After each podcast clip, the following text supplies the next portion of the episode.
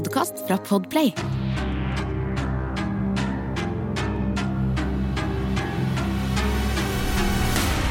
Hei dere, og velkommen til Forsyningsfredag podcast. Jeg vil minne deg på, som i alle andre episoder, at denne episoden kan være skremmende for enkelte lyttere, så dersom du er sensitiv til informasjon som dette, eller er yngre, så vil jeg anbefale deg å lytte med en du stoler på, eller skru av. Det er generelt ganske lite informasjon ute om denne saken, men jeg skal dra deg gjennom alt som jeg har funnet av eh, troverdig karakter. 18.2.2018 forsvinner en 24 år gammel jente på mystisk vis når hun er på joggetur i American Fork Canyon i Utah. Etter det her har ingen sett hun. Hva er det egentlig som har skjedd? Utrolig nok så klarte ikke jeg å finne ut hvilken dato Jerica ble født, men hun er jo en 24 år gammel jente fra American Fork i Utah. Om vi tar utgangspunkt i at hun hadde fylt år i 2018, så er hun født i 1994, men det er jo litt vanskelig å si med tanke på at det her var så tidlig på året. Generelt blir Jerica beskrevet som en veldig atletisk og spesielt glad i løping, men hun tok også timer i selvforsvar. Av det her så hadde hun også en drøm om å åpne sitt eget treningssenter etter hvert. Moren til Jerica har forklart at uansett hvor Jerica skulle som liten, så løp hun.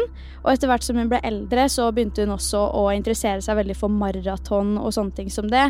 Og det gjorde også at hun øvde mye på utholdenhet og langdistanse. Så hun var veldig ofte ute i skogen og ute generelt, mange timer av gangen, for å forberede seg til et kommende maraton. Fra oktober 2017 bodde Jerica på et behandlingssenter for unge rusavhengige, typisk liksom behandlingsbolig, ettersom hun i lang tid hadde vært eh, og slitt mye med rusavhengighet.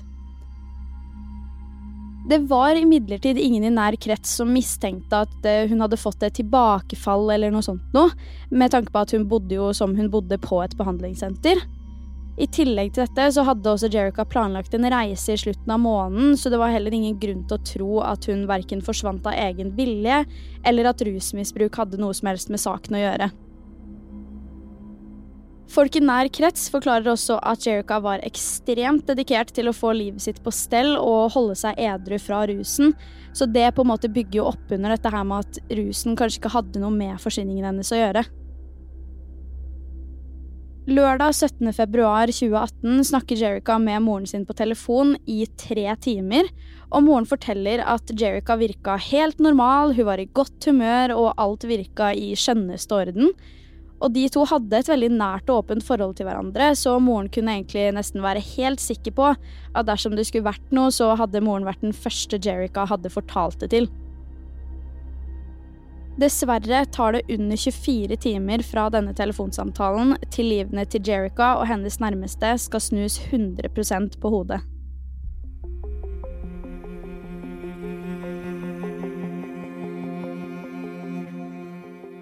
På morgenen søndag 18.2.2018 så forteller Jerica til de hun bor med, at hun er på vei for å ta seg en joggetur, så hun hiver dermed på seg joggesko, en mørkegrønn tights og en grå hoodie drar med seg telefonen sin og løper av gårde.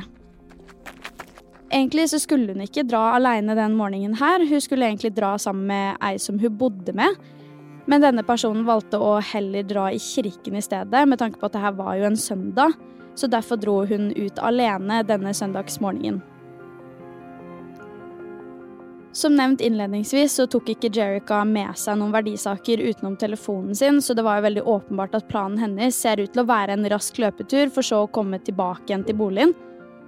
Som en hvilken som helst annen dag, egentlig.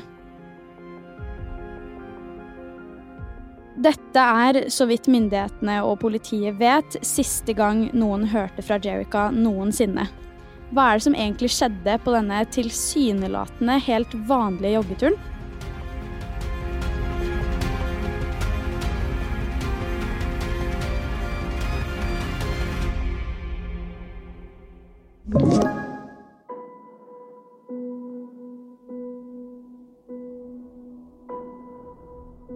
Det er ikke før kvelden 18.2 at eh, samboerne til Jerica på behandlingshjemmet kontakter moren til Jerica for å informere om at hun ikke har kommet hjem etter joggeturen tidligere på dagen.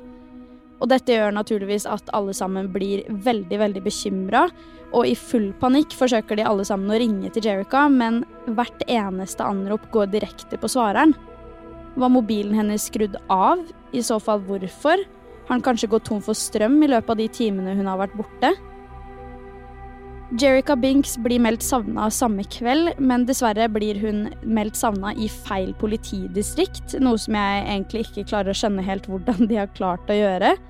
Men det her førte uansett til at den rette politistasjonen ikke fikk greie på forsvinningen i det hele tatt før det hadde gått noen dager.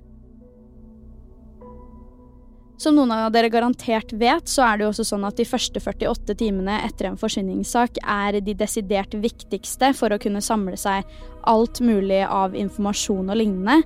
Men disse 48 timene hadde jo politiet nå mista. Og ikke nok med det, men dagen etter forsvinningen så hadde det kommet helt sinnssykt mye snø i løpet av natta.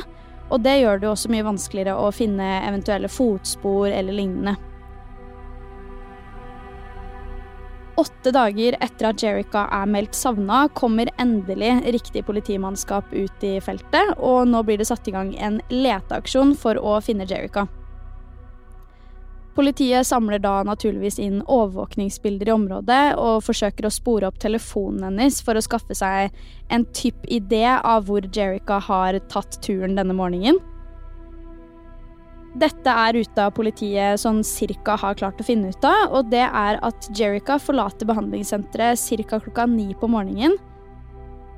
Og det første hun gjør, er å komme seg ut på det veldig mange vil anse som på en måte hovedgata i området, hvor de hadde mye fastfood-restauranter, butikker og sånne ting. Men i og med at det var en søndag, så blir det også antatt at gata ikke var like folksom som den pleide å være. Klokka blir ti på ti før Jerica bestemmer seg for å løpe opp mot fjellene og befinner seg i American Fork Canyon da klokka slår halv elleve. Rundt tre timer senere har politiet funnet overvåkning som viser at Jerica går på Timpanagos-stien, som var en av de mest trafikkerte stiene eller veiene som folk pleide å ta om de var på tur eller joggetur eller hva som helst i American Fork Canyon. Det er også her vi har den siste sikre observasjonen av Jerica gjennom overvåkningsbilder, og etter dette her så finnes det ingen bevis på at hun i det hele tatt forlot American Fork Canyon denne dagen.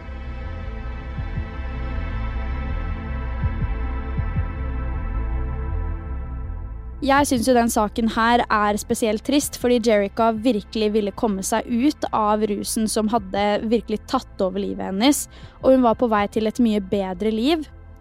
Nylig så hadde hun også begynt å jobbe i et byggefirma og hadde spart seg opp eh, masse penger til å kjøpe seg en bil.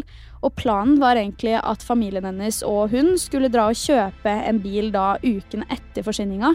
Men det skjedde jo ikke, og alle planene lå klare, og med en motivasjon til å få livet på stell som aldri hadde vært større, så virker det jo helt sinnssykt merkelig at hun bare plutselig skulle forsvinne ut av det blå.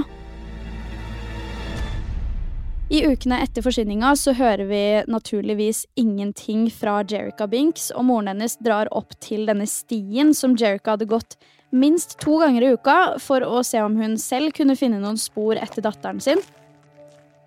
Det ble også rapportert om et tilfelle hvor en jente i tidlig 20-åra hadde hørt noen skudd i da denne American Fork Canyon. Men folk i nærområdet beskriver det her som ganske vanlig og ikke noe sånn bemerkelsesverdig, med tanke på at det her var et område der folk pleide å skyte. Altså, området var jo veldig mye skog. Det er ikke før i begynnelsen av april 2019, over et år etter forsvinningen, at vi får en skikkelig utvikling i saken.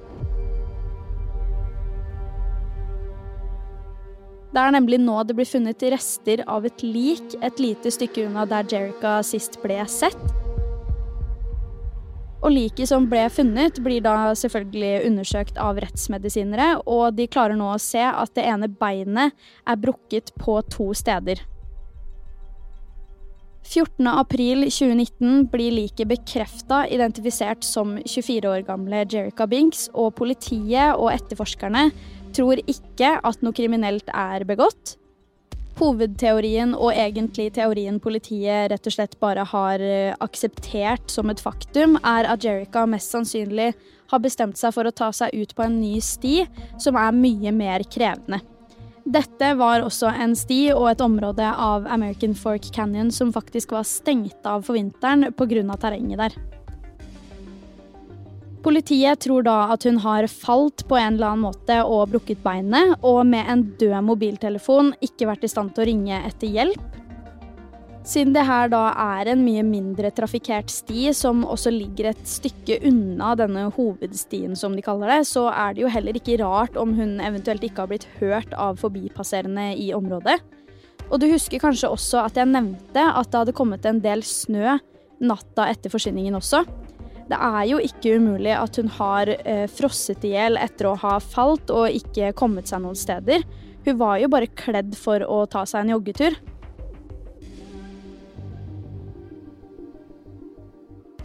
Uansett så er den saken her vanvittig trist med tanke på hvilken fremtid Jerica hadde i møte. Rettsmedisinerne kunne jo ikke finne noe tegn til at noe kriminelt hadde skjedd, og de anså det som veldig lite sannsynlig at hun hadde blitt drept og deretter dumpa på et slikt eh, sted i dette området, da. Heldigvis fikk vi til slutt en forklaring på hva som hadde skjedd, og familien fikk avslutningen på saken som de trengte.